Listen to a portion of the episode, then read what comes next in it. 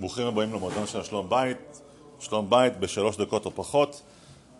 גבר בא ואומר, אשתי רוצה לדבר על הצעצועים שלי. איזה צעצועים? מה הצעצועים? אני לא נותן לה לגעת בלגו שלי עד שהיא לא תגיד את הצופן. בין גבר לאישה, מי מהם יותר אמ, קנאי?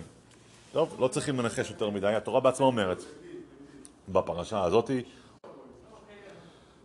לאהבה את השם אלוקיכם, ללכת בכל דרכיו ולדבקה בו. לדבקה בו. מה לדבקה בו? נאמר בפרשת בראשית ועל כן יעזוב איש אביו את אמו ודבק באשתו. אז מה, השם רוצה שאנחנו נדבוק בו כמו שאנחנו דבקים בנשים שלנו? מה, אישה אלוקים? אולי היא חושבת שכן. על כל מקרה, ההפך גם נכון. אנחנו רואים שאישה שמביאה משהו זר בין גבר לאישה, איך קוראים לאישה אותי? זונה. מי זו זונה? זונה אישה שהיא בעצם לא מעריכה את המערכת יחסים בינה לבין הגבר שלה. וכן הוא אומר, ולא תטורו אחרי לבבכם ואחרי עיניכם, אתם זונים אחריהם. אותו, אותו שורש, זנות. אוקיי.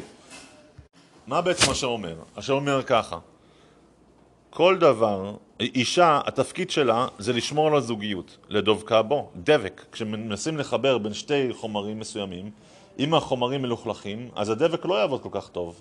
אבל אם החומרים נקיים, הדבק יעבוד טוב מאוד. כמו כן, בזוגיות.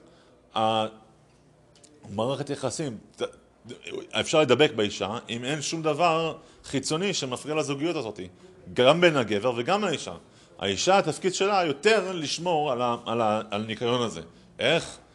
הצעצועים, האייפד, האייפד, הלפטופ, העבודה, דיברת באופן, אה, מש... אה, חיבבת את אה, אחותך יותר מדי, מעל אשתך, דיברת על, על, על אימא שלך יותר מדי, היא תזכיר לך טוב מאוד, מהר מאוד, שהיא מספר אחד, לדבקה בו, ודבק באשתו. חזק וברוך.